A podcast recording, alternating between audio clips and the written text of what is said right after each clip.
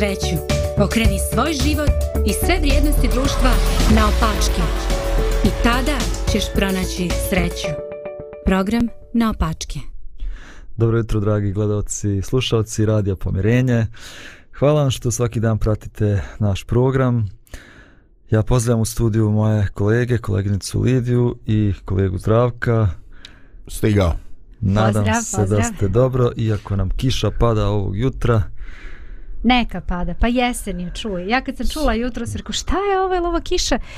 Pa kaže Eva jeste, jeste, kaže kiša pada. Meni je neko nešto fino, ja, kišica. Znaš, super je meni, pošto ja ne moram da, da idem E, pošto ne moraš vani. kišobran da nosiš. E, pa to jeste, da. Da. Sve je to, Božidare, sve je to super, ni kiša, ništa ne smeta. Ja napokon dobio ovaj godišnju parking kartu tamo gde stanujem. Sad može i da pada, jel? Ma, ma, mislim, pa ljudi ne možete padaju. vjerovati, ne možete vjerovati koje je olakšanje. Aha, sad da se vratimo ono što Lidija govorila. Znaš šta je problem, Lidija? Kad prijeđeš 50. godinu, postaneš malo zaboravan. Tako da sam ja svoj kišobran. Prošli put kad je padala kiša, donio ovdje u kancelariju i poslije prestala kiša, ja se vratio kući i danas tražim kišobran, nema kišobrana. Ajde, ukradem neki natašin kišobran. Međutim, vjetar tako duvao, kad sam ja došao u kancelariju, ja sam bio sav mokar, je, farmirke mi mokre, sve Znači, ne vredi ni kišobran. A bio je onaj mali kineski kišobran, treba vjerojatno neki... da, da, da, onaj veći, E, metar i po, onaj. Da, da, da. Mo suncu pram puneseš onaj to. Dobro. Ova, evo, trudimo se da u radiju pomirenje širimo neke pozitivne vibracije. Tako, u skladu s tim ćemo danas razgovarati o jednoj temi koja nadam se da je rješenje za mržnju, za nasilje, osvetu. U prošloj emisiji uh, na opačke, to je bilo prije nekih sedam dana, govorili smo o Žarku Louševiću i eto nismo ni znali da, da će se dogoditi eto tako prerana njegova smrt prije nekoliko dana.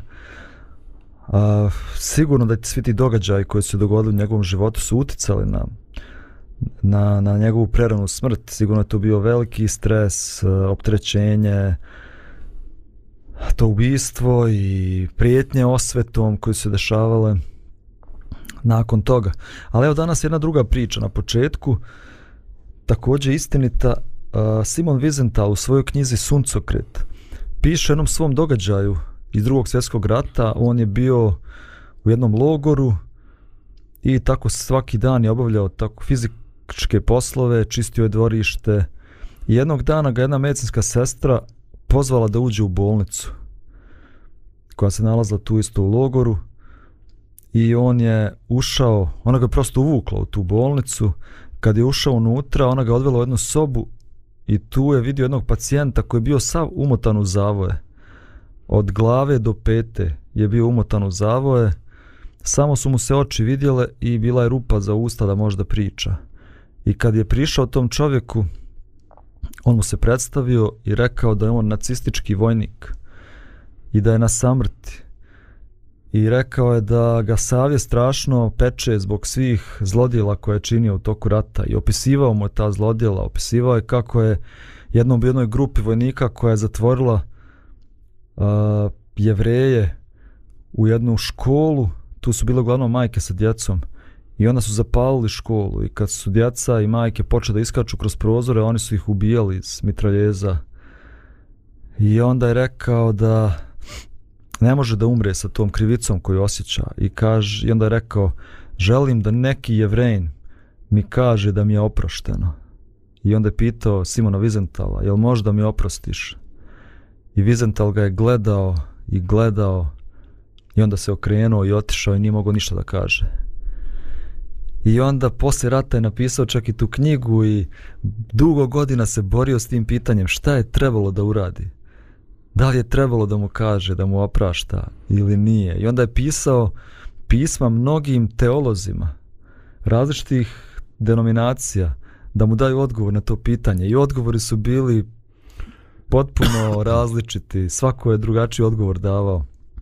Pa evo možda možemo i mi malo danas da prodiskutujemo o tome kao uvod u ovu našu temu. Smijemo li da tražite odgovor? Možemo davati različite odgovore. E, rekao, znaš šta, ono, imaš, kaže, punu slobodu u okvirima koji su napred zas, zadani. Znaš, ono, ta, ovaj, to je Tako ovo, i mi isto da, danas. tako, ovaj, e, kao i ono, znaš, ono, možda budeš, ovaj, a, religiozan, ali baš nemoj toliko budeš religiozan da pričaš o ovaj in, inteligentnom dizajnu. Mislim, ono, ajde, do MMA, ani čoveč. Ali okej, to je sasvim neka druga priča, ali ovaj, e, problem je kad ljudi sebi zadaju otprilike okvire koji su ovaj e, fiksirani okviri i onda pokušava da slobodno razmišlja uz unapred zadane pretpostavke. Da, Okej. Zdravko nije bio konkretan, ja ću pokušati da bude konkretna. A, sve vreme dok ti govoriš, a, a imala sam priliku da, da čujem i, i nekoliko puta, ovaj, možda jednom ili dva put, a, baš priču vezano za, za ovog čovjeka i tada, a i sada takođe, ja sam na nekoj klackalici. Znači, bukvalno sam, znaš, u jednom trenutku pređem na jednu stranu i kažem, čoveče, pa kako mu nećeš oprostiti? Pa oproštaj je nešto što uh, što trebaš učiniti čoveku znaš, kao čovek čoveku. S druge strane kažem, hej, jednom nacističkom uh, vojniku koji je otvoreno radio zlo, da li se on stvarno pokajao, nije, a ja sad tu kao nešto opraštam. Mo kakvo oproštenje, me ne dolazi u obzir. Ja, verovatno i on imao tu dilemu čim je posle konsultovao neke ljude, ovaj, da čuje to čisto razmišljanje različitih ljudi, da pokuša možda i svoju savest da umiri. I ovaj, ali da čim njega grize savest, to znači da on nije ovaj, bio siguran u tu Da, odluku da, nije, koju nije je bio doneo siguran ali je doneo odluku kakva je doneo. I onda ja kažem, čekaj, pa možda je trebalo da ga pita kad je bio tamo, hajde ti sad meni ispričaj, šta je tebe pokrenulo na to? I znaš, ako bi videla da on u svom srcu ima to neko pokajanje ili da vidim trun bar nečega, eventualno hajde da učini. Jer nije se stvar u tome hoće li on njemu oprostiti, mislim kao osoba, nije on verovatno njemu lično ništa učinio, nego njemu je trebalo oproštenje generalno za zločine koje je činio jevrijskom narodu i naravno da je birao jevrejina kao predstavnika ovaj svega toga. Ali, ali iskreno ovaj, još uvek sam na klackalici ja ti ne mogu dati sad odgovor da kažem e ja bih tako i to je ispravno ali baš sam onako na nekoj klackalici malo tu malo tamo Ja, ja imam problem zato što ta nedumica u kojoj se ovaj, Vizantal našao nije realistična. Znači, meni je totalno neprihvatljivo zahtjev toga čovjeka da mi oprosti jedan jevrej. Alo čoveče, koji je to pripadnik jednog naroda a, tu ovlašten da daje oproštaj u ime svih žrtava iz njegovog naroda? Što ne tražiš od Boga oproštaj? Ko sam ja da opraštim tuđu djecu koja su ubijana? A, Ovaj, znači, meni je to totalno neprihvatljivo. Ovaj, niti mislim da je on nešto mogao. Ja čak mislim da je pogriješio i da je rekao. Opraštam, jer odakle mi pravo? Pa Bog treba da ti oprosti i treba da te oproste direktno o, o ljudi koji su porodično vezane za žrtve. Ali izvini, ali on nije bio u prilici sada da njih, on, ih, njih, on je njih ubio, on je sad trebao, ne može on bolestan onako leži, mislim bolestan, on je čovjek Da. na samrti. On ima sad priliku da ide kod svakog od njih pojedinačno i njemu je trebao neki predstavnik svih njih koji će umiriti njegovo možda savest ili šta god daje već. Da li je on sa Bogom to rešio ili nije, mi to sad ne znamo iz priče. Ali ovaj, definitivno da, te, da mu je trebao neko ko, ko će to uraditi da. u ime svih njih. slažem se da je to granični slučaj ali meni se sad ovaj, ja se uvijek dvoumim da li da po, pomenem ili bez, bez ikakvoga povezivanja sa bilo čim ali postoje slučajevi gdje su ljudi radili ogromna zla i ovaj i posle odu i godinama posle rata žive jedan sasvim normalni porodični život izlaze sa ženom, sa djecom u restorane, znači žive jedan prijatan život e, i svako koji vidi misli da je to jedan socijalizovan, normalan, imućan čovjek i tako, a on nosi nešto u sebi, u svojoj biografiji, nešto što je katastrofalno i nižde, nigde nema crte na njegovom licu da on ima neko kajanje i da je nešto. Nevjerovatan je meni taj fenomen.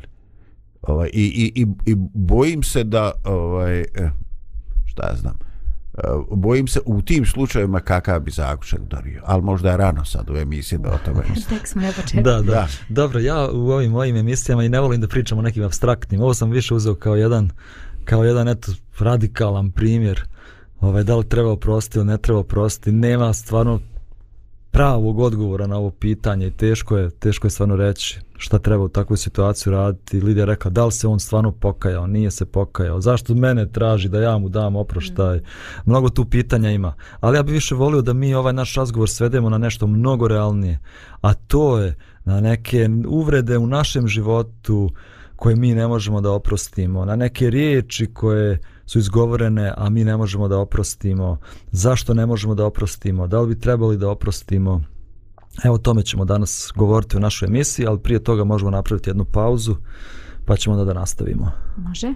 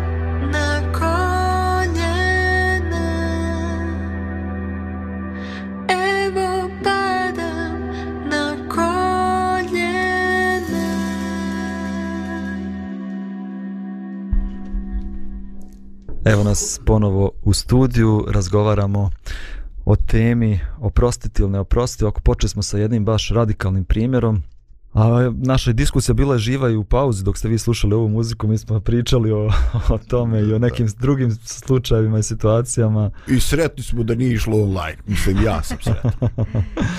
da. A, dobro, evo ja bih vam ispričao, prepričao u stvari jednu priču koju je Isus ispričao u evanđeljima.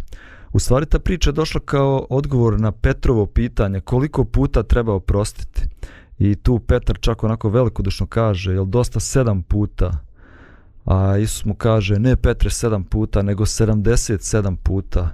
Govoreći u stvari da bi život trebao da bude život oproštenja. Sedam puta 70. 7 puta 70. Da, da, još gore.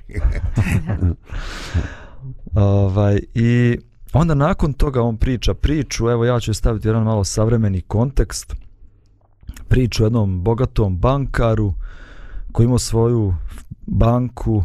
I jednog dana taj bankar saziva a, sastanak svih radnika u 3 sata popodne, svi znaju da je nešto, nešto nije u redu kad je sastanak sazvan u to vrijeme, dolaze na sastanak, pitaju se šta će sad direktor da kaže i direktor im kaže kako je otkriveno da postoji ogroman dug u računima banke od nekoliko stotina milijardi dolara ili eura možemo reći.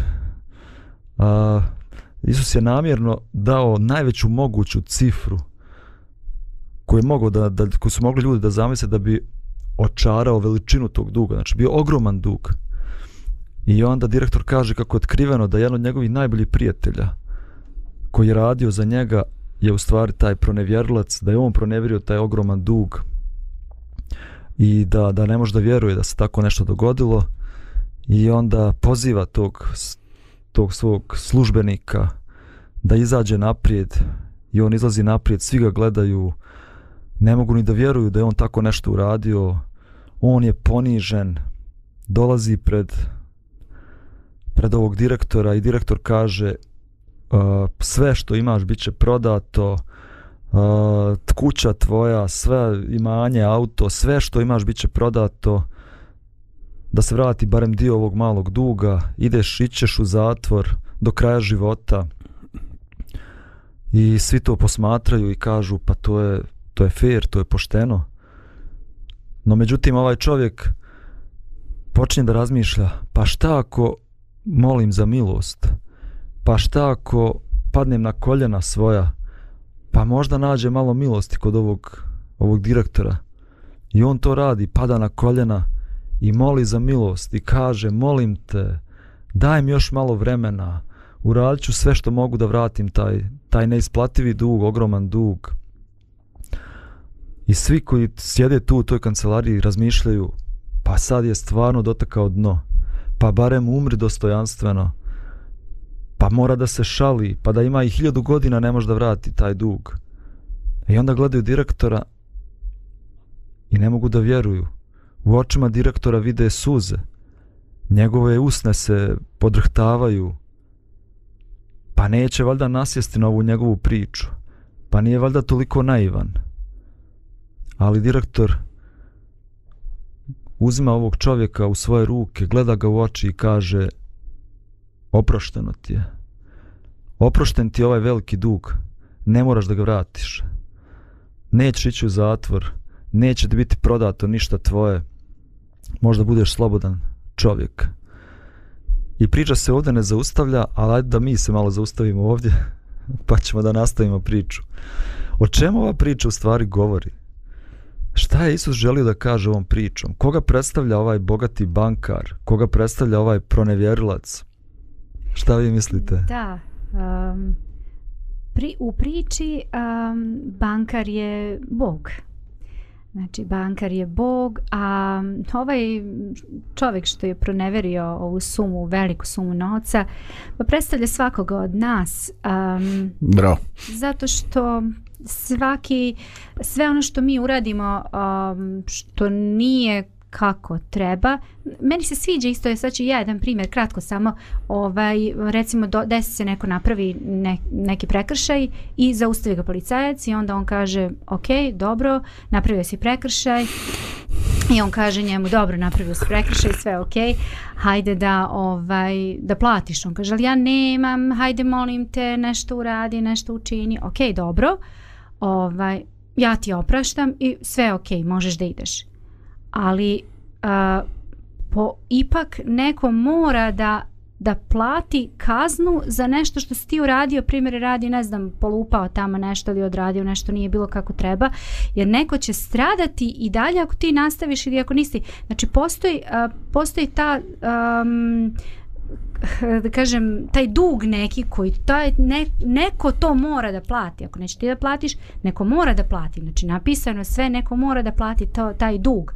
I sve što mi uradimo, što nije kako treba, to neko mora neko da plati kaznu za to. Jer to je neko, neka vrsta zadovoljenja koje postoji. A mi verujemo da to za nas Hristos uradio kada je umro za nas na krstu Gogote i on je rekao ne moraš ti da platiš.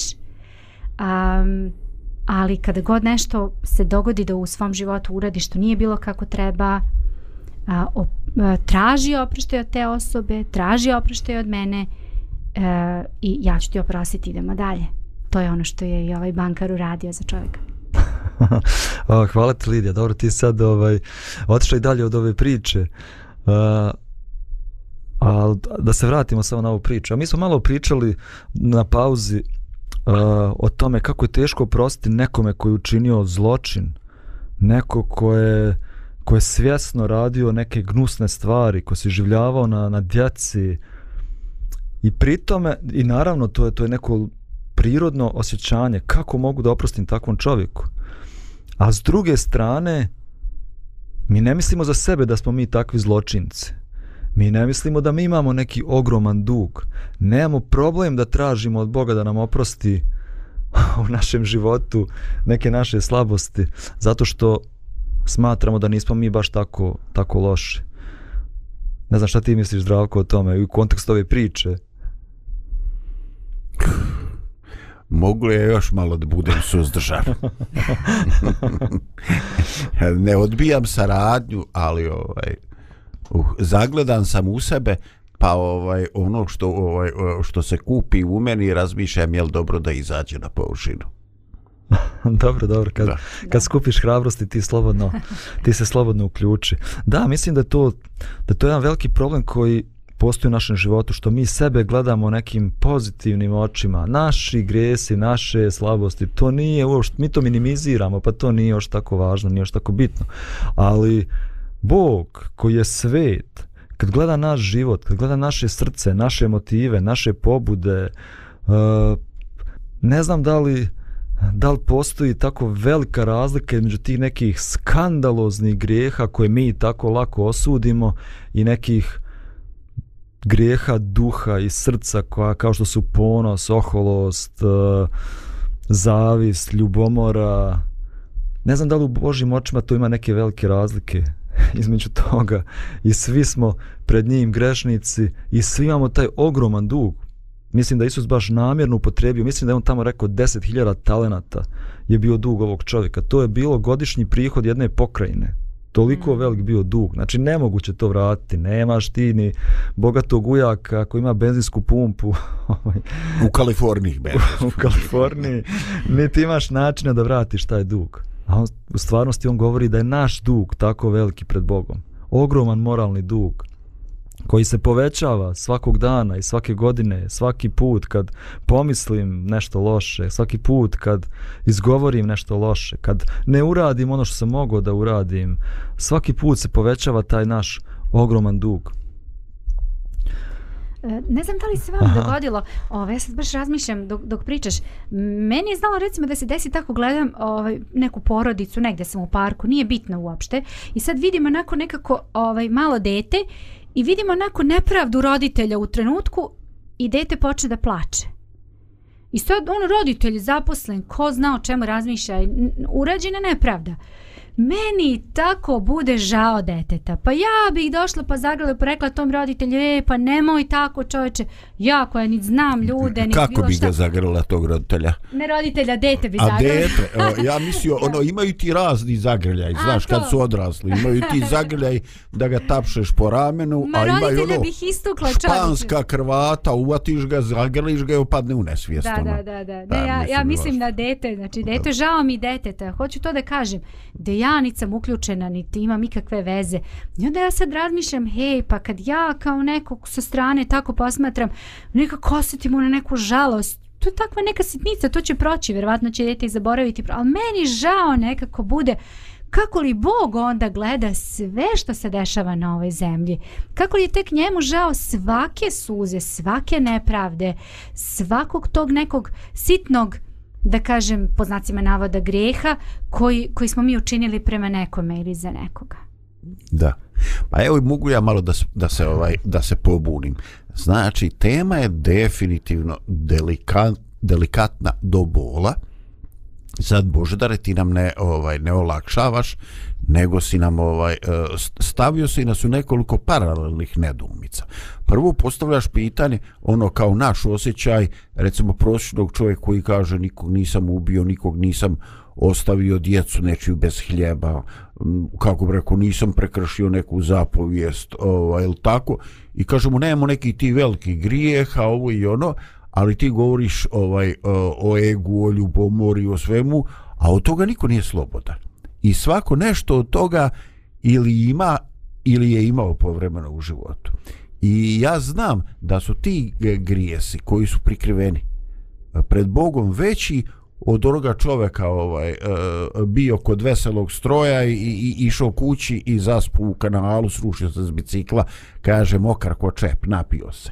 I sad mi se zgrozimo pijanog čovjeka, a onoga ko je pun sebe, ko, ovaj, e, ko je pun, nema osjećanja prema drugima, triumfuje, kao, znaš, on je baja, a ovaj je jadan. Ne, jadan je onaj ko je pun sebe.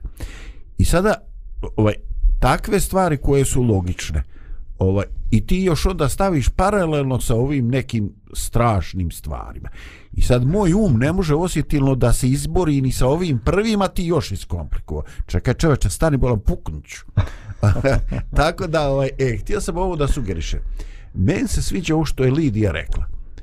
Koncept svetoga pisma da, će sva, da je svaki grijeh mora biti plaćen. I ona je rekla, ovaj, postoje grijesi koji ne mogu biti plaćeni od strane čovjeka i gospod ih plaća. I to je, to je, ovaj, to je prihvatljivo. Ali e, neki ljudi su u, u jako teško preživjeli neki svoj promašaj i svoj grijeh za koji prosječan čovjek misli, bo što, nije to ništa strašno, razumiješ? Znači, propustuje možda da uradi dobro, nije uradio nekako zlo i muči ga to.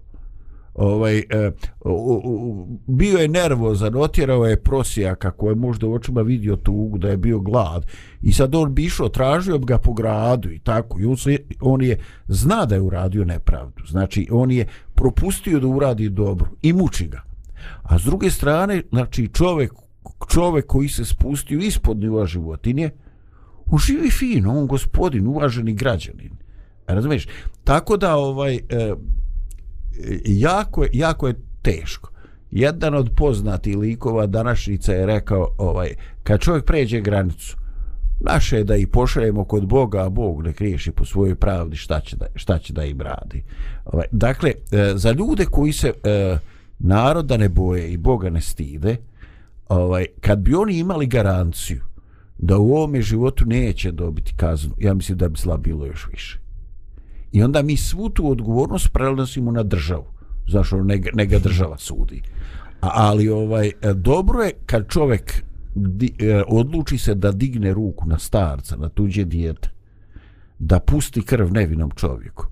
A, dobro je da on negde zna a, tražit ćete, naći ćete i u mišjoj rupi. Mislim da bi se manje zla desilo kad bi ljudi osjećali strah za to što čine. A ne dobit ću ja jednoga dana na strašnom sudu koji oni ne vjeruju. Da, dobro, ti ja imamo nekako drugačije koncepte što je u redu. Znači ti više ideš na tu stranu pravde i misliš da će strah, e, zakon, kazna, zatvor daje ljudima, sigurno da to pomaže ljudima da... Pedagoška. Da, ali ja opet smatram da postoji nešto i veće od toga. Ljubav, Naravno. ljubav može da mijenja živote ljudi mnogo više nego strah od kazne, ali dobro, možemo imati drugačije poglede. A da se vratimo samo na ono, zašto sam ja spominjao sad tako dve totalno suprotne stvari? Ne znam, ne, neko je rekao kao pravednik, on stoji na vrhu planine, a onaj ko činio takve zločine, on je dole na dnu planine ali jedan i drugi je hiljadama kilometara daleko od zvijezda. E mhm. takvi smo mi ljudi. Neki su na vrhu planine, možda sam ja na vrhu planine, a taj zločinac, nacistički vojnik je na dnu planine, ali i on i ja smo hiljadama kilometara daleko od zvijezda. I ni on ni ja ne možemo da dodirnemo zvijezde. Svi smo mi hiljadama kilometara daleko od nekog moralnog standarda za život koji Bog ima. I možda to saznanje Zato sam to i govorio. To saznanje nam možda može pomoći, imamo više se osjećanja prema onima koji su na dnu planine. Kad shvatimo da je naš dug također ogroman dug i da smo mi hiljadama kilometara daleko od života koji Bog želi da mi, da mi živimo. Ajde da napravimo malu pauzu pa ćemo pokušati ovo nekako da vodimo ka nekom zaključku. Neka nam je Bog na pomoći. E, evo ja sam raspoložen, ali ne znam kako ću. Ajde vidjet ćemo u nastavku. Radio,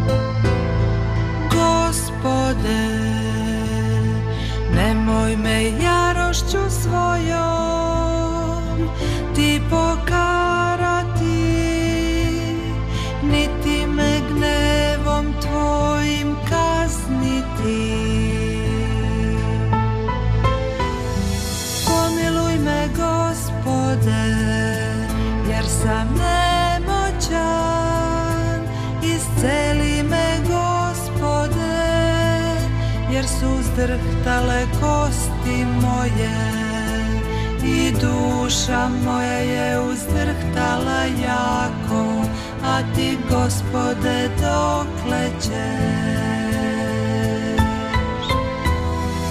Obrati me gospode, ispavi dušu moju, spasi me radi milosti tvoje.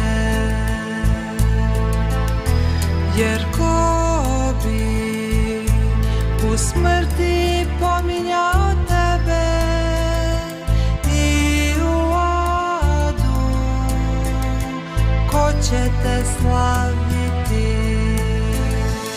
Umorih se u uzdisanju mojem svaku noć kvasim odar svoj suzama svojim Čuvam postelju svoju.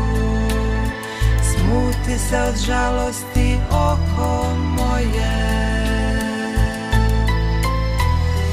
Ostari kod svih neprijatelja mojih. Idite od mene Svi koji činite bezakonje. Jer usliši Gospod glas plača moga Usliši Gospod molitvu moju. Gospod molitvu moju primi. Nek se postide i prepadnu svi neprijatelji moji. Nek se povrate i postide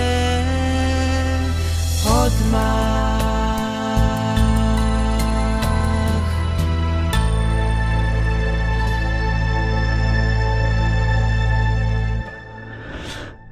Evo nas ponovo u studiju, razgovaramo eto, o jednoj delikatnoj temi, kao što reče Zdravko, oprostiti, ne oprostiti, ali evo prije toga, prije nego što pređemo na nas, ljude, hajde pre toga porazgovaramo o Bogu. Na osnovu toga što nam Isus otkrio u ovoj priči o tom bogatom bankaru koji je koji je bio povrijeđen, koji je bio koji je našao ogroman dug u svojim računima, koga je zakidao njegov dobar prijatelj. I onda on radi nešto što bi mi ljudi rekli naivno, nešto što definitivno nije pravedno, nešto što niko to ne bi tako uradio, niko od ljudi to ne bi tako uradio. Ali ovdje vidimo da taj taj bankar koga predstavlja, koji predstavlja u stvari Boga, jednostavno osjeća ljubav prema tom čovjeku, iako ga je on povrijedio, iako je on načinio tako veliki dug, sama ta njegova situacija i sve to što treba da mu se dogodi izaziva sažaljenje kod, kod Boga. Pa je malo da, da o tome govorimo. Šta nam ova priča govori o Božjem karakteru? Kakav je stvarno Bog?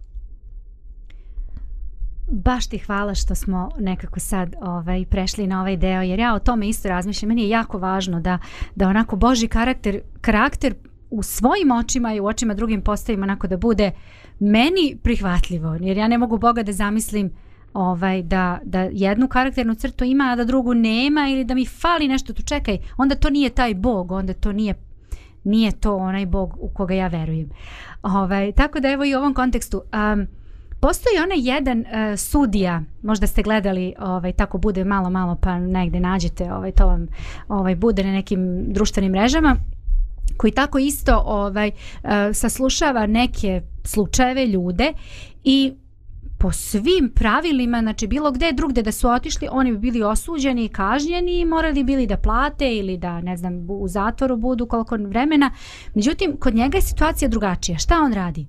On sluša, prati, postavlja pitanja, uh, pita ko si ti, šta si ti, imaš li ti uh, finansijske mogućnosti. Gledao sam, gledao sam nekad to. Da. da. Okay. I vrlo je zanimljivo da on znači, sagleda čitavu priču i onda kaže, ok, ne moraš da platiš, sve je u redu.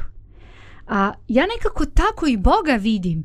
I kroz ovu priču mi sada nemamo širi kontekst priče, čak ni u Bibliji nije da taj širi kontekst, ali ja Boga tako zamišljam da je Bog video da ovaj čovjek stvarno nema, znači on je, on, mi ne znamo sad ovaj, e, cijelu priču, ali Bog je sagledao čitavu priču, saslušao njegov slučaj i rekao je ne moraš da platiš. Ali to ne znači ne moraš da platiš i ok, idemo dalje. Nego on kaže ja sam platio to ono o čemu sam pričala. Ja preuzimam taj dug na sebe da ga ja rešim. I to je onda pravda. Po meni ne bi bila pravda, ok, oprošteno ti idemo dalje, sve u redu. Pa čekaj malo, postoji taj dug. Pa čekaj, nije, nije to u redu, to nije pravedno. Jer Bog je ljubav i, i ja Boga vidim kao njegovu da kažem vrhunsku osobinu i karakternu crtu to je da je Bog ljubav ali je isto tako karakterna crta pravda morala da se ispolje u ovom grešnom, grešnom svetu jer, je, jer, je, jer postoji to neko zadovoljenje koje se mora ov, ispoštovati. I tako u ovoj situaciji Bog postupa pravedno da tebi je oprošteno ali ja preuzimam taj dug na sebe. Super, super, hvala ti. I meni se dopada ova priča da, ima to je malo korak ka nekoj ravnoteži. Evo, pogotovo ovo bi apostrofirao, vidio nemoj ti sad da su zoholiš ono, ali ovaj, znači onaj sudija, to je bio neki serijal, par emisija sam vidio, yes. ovaj, on e, donosi sud, e, to nije neka bolećiva osjeća, ajmo, ajmo imamo ovaj sedam dana opraštamo svaki kreten koji naiđe imao mm -hmm. sreće u ovim danima kad sam ja sretan i slavim godišnjicu 50 godina braka ja svima opraštam ne on oprašta ljudima u kojima vidi e, da to čovjek nije uradio iz zla nego iz određene nemoći, frustracije, neznanja, ono, bla, bla. Znači, baš je interesantno kao, kao neko ovaj, e, potreba da pravda ne treba biti slijepa. Znaš, onaj, onaj kip, Božice mm. pravde sa vagom u ruci, a oči zavezane. Tamo je smisao da ne gleda ko je ko. Ali, ovaj, ali stvarni kontekst događaja je bitan i mi nemamo nimalo sumnje da Bog u potpunosti vidi kontekst svega. I to je ono što Dobro, je lijepo. Da, znači, ali sad opet, ako idemo tom logikom, onda, za oproštenje ti je potrebno opravdanje. Ako postoji opravdanje, a kakvo god opravdanje našao, ne znam ni ja, uh, prekršio spr- saobraćajno propust, vozio si brzo zato što si imao ženu u, koja se porađa i oprosti zato što postoji razlog, postoji opravdanje za tako nešto. Ja mislim da oproštenje je nešto što, što se radi kad nema opravdanja. Kad ne može naći nijedan razlog da oprostiš. Kad je kontekst katastrofalan. E tada je potrebno oproštenje. I tad je pravo oproštenje. A sad ću, a sad ću ti samo reći zašto to, zašto je potrebno oproštenje. Lako je govoriti o sudi i o nekim ljudima. Ali da govoriš o svojoj djeci, da li bi tako isto govorio? Da se to radi o tvojoj djeci, da li bi rekao, ne, ne, pravda se mora ostvariti. Ja ne mogu da ti oprostim zato što si uradio to što si uradio, pravda mora da... Mi ne osjećamo se tako prema našoj djeci. Mi smo jako milostivi prema, prema našoj vlastitoj djeci. A nismo prema drugim ljudima. Prema njima nemamo ušte sažaljenja zato što nas se ne dotiču, to su neki nepoznati ljudi. Ali mi smo svi Božja djeca. Bog nas ne gleda kao neke nepoznate ljude koji dolaze sudi prvi put u životu i eto sad on treba da riješi njihov slučaj. Ne, mi smo njegova djeca. On nas gleda kao svoju djecu i voli svakoga od nas. I Biblija nam je otkriva Boga koji voli grešnika. Bog mrzi grijeh. Bog mrzi te posljedice grijeha koje su strašne. Ali uvijek voli grešnika zato što smo njegova djeca. Evo, ne znam. Da, ja, ja to Bož. Boždara apsolutno ne dovodi u pitanje. I ja vjerujem da je to, znači, bez obzira na stanje, mentalno, duševno, na, na spisak prekršaja koje čovjek ima, da je, ovaj, da je to Božja namjera. Ali, ako bismo do kraja istirivali taj princip, onda bismo upali u jeres univerzalizma, gdje će na Bog toliko voli, na kraju će on svi uspast. Eši ipak neće, bit će veći broj onih koji će izgoriti pred Novim Jerusalimom, nego oni koji će uh, pjevat na staklenom moru kad čitamo otkrivenje. To sad dakle, ne znam. ponuda, Broj ne bih sad možda. ponuda je Božja, je takva. Ponuda Božja je veličanstvena. Ponuda Božja je nesvatljiva. Bog kaže, moji putevi nisu vaši. Koliko su nebesa više od zemlje, toliko su misli moji putevi vaše višnji od njih. I to što ti pričaš je upravo to. Mi ne može um prihvatiti. Ali, očito je da postoje duše koje od Boga prime blagodat pokajanja. I na njih se to odnosi. Na one kojima je srce otvrdlo, koji viču raspri ga, pusti barabu, šta, šta može ta milost uraditi za njih? Znači, ako ga neko ne riješi sa njim ovdje na zemlji, Bog će ga vratiti u nepostojanje. Taj svijet o kome ti pričaš, Boži svijet, daž, ja se potpuno slažem s tobom. To je, to je princip od koga Bog neće odustati. Ali ljudska sloboda je takva da ona i čak i Bogu može reći ne. Neću Naravno. taj, svoj, taj tvoj svijet, a onda Bog kaže izviri, vraćam tako da te nikad nije ni bilo. Naravno. Znači ja prvo sam želio da govorimo o šta nam ova priča govori o Bogu i kakav je Bog, ali priča ima baš takav kraj kao što ti govoriš. U priči se govori o tome, ovaj čovjek je doživio neshvatljivo oproštenje. Oprošten mu je dug koji nije ni sanjao da će mu biti oprošten. Uh, koji nikada on sam ne bi mogao da vrati i onda izlazi iz te kancelarije i sreće svog prijatelja koji mu dužan 20 maraka i hvata ga za gušu, tjera ga da mu vrati tih 20 maraka. I ovaj radi isto što je on radio. Pada na koljena, moli ga za milost, daj mi malo vremena, vratit ću ti tvoj dug, ali on nema milosti. Baca ga u zatvor za 20 maraka. I priča i kraj ove priče upravo takav. Ne možeš ti da dobiješ oproštenje od Boga. Da ti je oprošten tako ogroman dug koji si imao, a da ti to ne pokazuješ u svom životu. I onda i taj direktor, Kad čuje to, kad je to čuo, koji sti kaže krma, kaže sti hajvan. idi nazad, idi u zatvor i ti i tvoja porodica i nek se proda sve što imaš dok se ne vrati dug. Ako mi nismo spremni da praštamo jedni drugima, kako da očekujemo da Bog oprosti nama? I oprosti nam dugove naše kao što i mi opraštamo dužnicima svojim.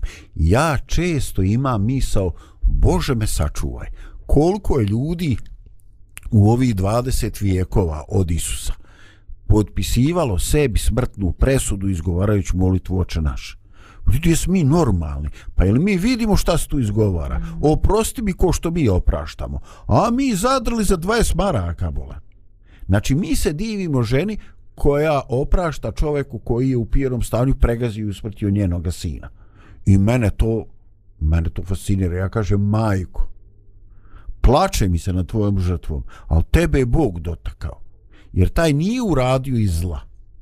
A onda, ovaj, eh, teško je davati neke grozne primjere, jer u ovoj našoj nesretnoj zemlji ovaj, u svakome narodu postoje ljudi koji su bili žrtve i postoje e, bolesni tipovi, ovaj, psihopate koji su bili vinovnici to. Ali recimo, evo, maksimalno ću, maksimalno ću bez ovaj, tituliranja ko šta odakle, ko je žrtva. Znači, e, čovjek koji je svezan dok su ovaj dok su uh, psihički poremećene osobe E, ovaj e, silovale njegove kćerke e, na kraju i usmrtile i rekle ostavi ga neka nađu neka pas čitav život nosa tu ovaj sliku. Znači pogledaj to nije pitanje pjanca koji je pregazio nečije dijete. Ovaj to je to je već pitanje osobe koja je demonizirana. Jer toliko zla, ka, znaš ono, kaže, postoje ljudi koji se i, i, i džavoli stide, a postoje oni kojima se i anđeli dive. Znači, e, e, te neke stvari su ovaj, jednostavno, kad bi se svi složili da takav treba mirno da sačeka i da mirno umre, a ne osjeća nikakav problem, udobno živi, otišao u stranu zemlju, i da je taj siguran do sudnjega dana u koji on ne vjeruje, to baš ne bi bilo to baš ne bi bila pravda. Znači ja bi uvijek ostavio Bogu da on riješi šta će s kim, ali ovaj e, ne bi se baš složio da taj uživa idući 30 godina u životu. da, nije, nismo mi u situaciji da odlučujemo da li će on da uživa ili neće. Hvala Bogu, nisam sudija i tako. Neće da uživa, ali opet, ali opet, ali opet želim da naglasim Boži karakter ljubavi. Bog ne mrzi tog čovjeka. Bog nije mrzio cara Navuhodonosora koji je činio strašne zločine. Mi čitamo tamo da je samo u Jerusalimu iskopo oči sinovima cari, cara Jezekije, ne znam nija koliko njih je poubijao, ali Bog ne mrzi takvog čovjeka, radi u njegovom životu e, na različite načine, želi da promijeni njegovo srce, želi da da on shvati svoje pravo stanje, želi da se pokaje, želi da bude drugačiji čovjek. Znači, Bog ne mrzi grešnike, ne mrzi čak ni tog što je demoniziran, kao što ti govoriš, zato što je to njegovo dijete, on ga voli. I Bog svojom ljubavlju i blagodatću i dalje radi u životu tih ljudi sa željom da se oni promijene i pokaju. Naravno, i ova priča nam govori, mnogi ljudi ne odbiju taj dar, nesvatljivi dar, to je nesvatljivi dar, da Bog takvom grešniku pruža ruku pomirenja, ali nažalost većina ljudi odbije takav dar i nastavi da živi kao što je živjela do tada. I ta, na kraju će se pokazati ta pravda kada će Bog dati svakome prema onom prema djelima njegovim, prema njegovom životu. Prema vlastitom izboru prema vlastitom izboru, jest, jest. Boždare, ja ne mogu da, ovaj, mislim da mi to nećemo dovoljno naglasiti, to što si ti rekao, ovaj, da jednostavno Božji princip je toliko neshvatljiv, ovaj, toliko stran, ovaj, da čak i ljudi koji su u životu bavili teologijom ovi i onim, ovaj, e, mi imamo problem da doživimo to kao realnost. Mi postavljamo pitanje je li Bog takav? I zaista, ovaj, o, ja bih rekao da je hrišćanstvo is, ispunjeno nevjerovatnim absurdima. Ali upravo rad toga što je Bog e, nemjerljivo daleko, kao što ti kažeš, možda između mene, tebe i nekoga trećeg postoji razlika, ali ovaj zvijezde su nemjerljivo dalje. Božja milost je nemjerljivo dalje. Ovaj, ja ne bih želio da rezultat ove emisije bude da neko kaže ovaj pa kakav je to Bog koji ovaj olako ovaj prašta ne ovaj Bog nije prostio olako on je za taj grijeh pustio da umre njegov sin. Znači, nema olako praštane. E, koliko dugo se Bog e, trudi? Koje je to stanje duha u kojima e, čovjek, ono, znaš, onaj izraz grijeh protiv duha svetoga?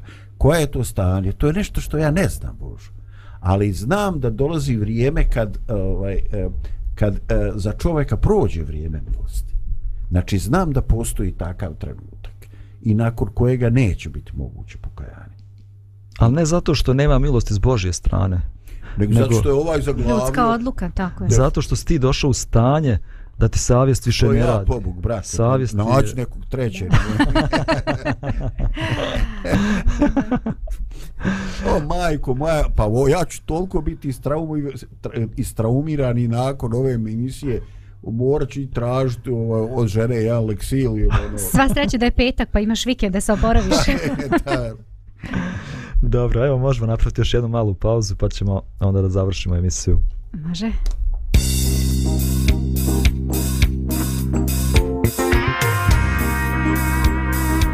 Radio Pomirenje.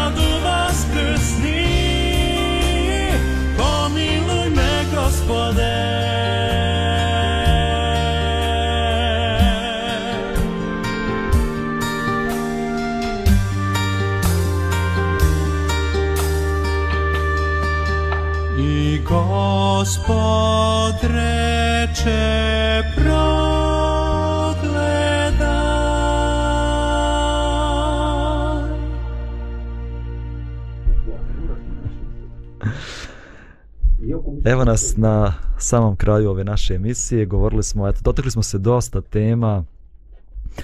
A, možda na kraju evo da zaključimo sa nečim što je što smo malo načeli, Lidija malo o tome govorila, Zdravko je malo spomenuo. U ovoj priči kada direktor oprosti dug, taj dug nije nestao. Još uvijek postoji dug u računima, ogroman dug. A, ko će morati da plati taj dug? Pa naravno, direktor, vlasnik te firme, on će morati da plati da plati taj dug. Pa eto u tom u tom smislu možemo da kažemo Bože oproštenje je besplatno. Bog nudi oproštenje svakome. Ali dug nije nestao. I dug će, dug će direktor da plati. Dug koji smo mi napravili pred Bogom, on je odlučio da sam plati. I mi čitamo u evanđeljima da Isus na krstu platio kaznu za naše prijestupe, za naše grijehe. I da na krstu u stvari mi možemo da vidimo to Božje saosjećajno srce i njegovu ljubav. Eto, ne znam, da li imate nešto dodati u vezi ovoga?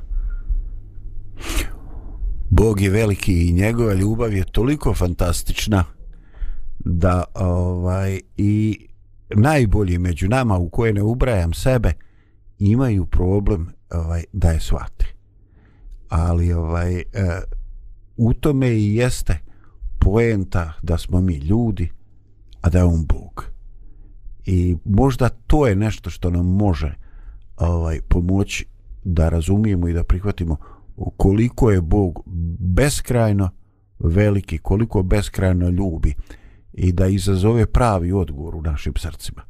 Ovaj neko neko ovaj bezrezervno davanje i neko povjerenje Bože uzmi ovaj moj život i uradi sa njim šta želiš jer znam da ćeš ti mhm. uvijek željeti više i bolje od onoga što ja u nekom svom egoizmu mogu smisliti za sebe. Meni sad malo fali a, ovog drugog dela um, razgovora, možda je to ideja za idući put da produžimo u ovom pravcu, a to je šta ja dobijam sa tim kad, kad oprostim. Šta se menja tu kod mene? Da li, da li je sve jedno ono prostila, ne oprostila, idemo dalje i koje su sve benefiti i koristi od toga da, da učiniš takav jedan korak. Podržava. Ovaj imam ja još još jednu emisiju. E, e bra, onda smo se da produžimo. imam još jednu emisiju o tome, ali evo možda da završimo na ovaj način. Uh, baš kao što je Zdravko govorio, i nama Bog daje primjer neke nesvatljive ljubavi, a i i Zdravko je rekao on je Bog, mi smo ljudi. Ali on također kad dobijemo tu ljubav očekuje da mi se ponašamo ka poput njega. On kaže na jednom mjestu kako kako on daje kišu i dobrima i zlima i sunce daje i, i lo, dobrima i lošima. I onda kaže budite i vi milostivi kao i otac vaš što je milostiv. On nas poziva da se uzdignemo iznad tog našeg ljudskog i da kad smo primili ljubav da tu ljubav mi pokazujemo i drugima. Hvala vam što ste bili danas sa nama. Razmišljajte i vi o ovom čemu smo danas govorili. Želimo da čujemo i vaša mišljenja. Napišite u komentarima šta vi mislite, sa čim se vi borite, da li vam je lako da oprostite, da li treba da oprostimo. Voljeli bismo da čujemo i ono što vi mislite, pa sljedeći put možemo da razgovaramo o tome što ćete vi da napišete. Lijep pozdrav, slušamo se i gledamo ponovo sljedeće sedmice. Neka nam, je, vikend. neka nam je Bog u pomoći.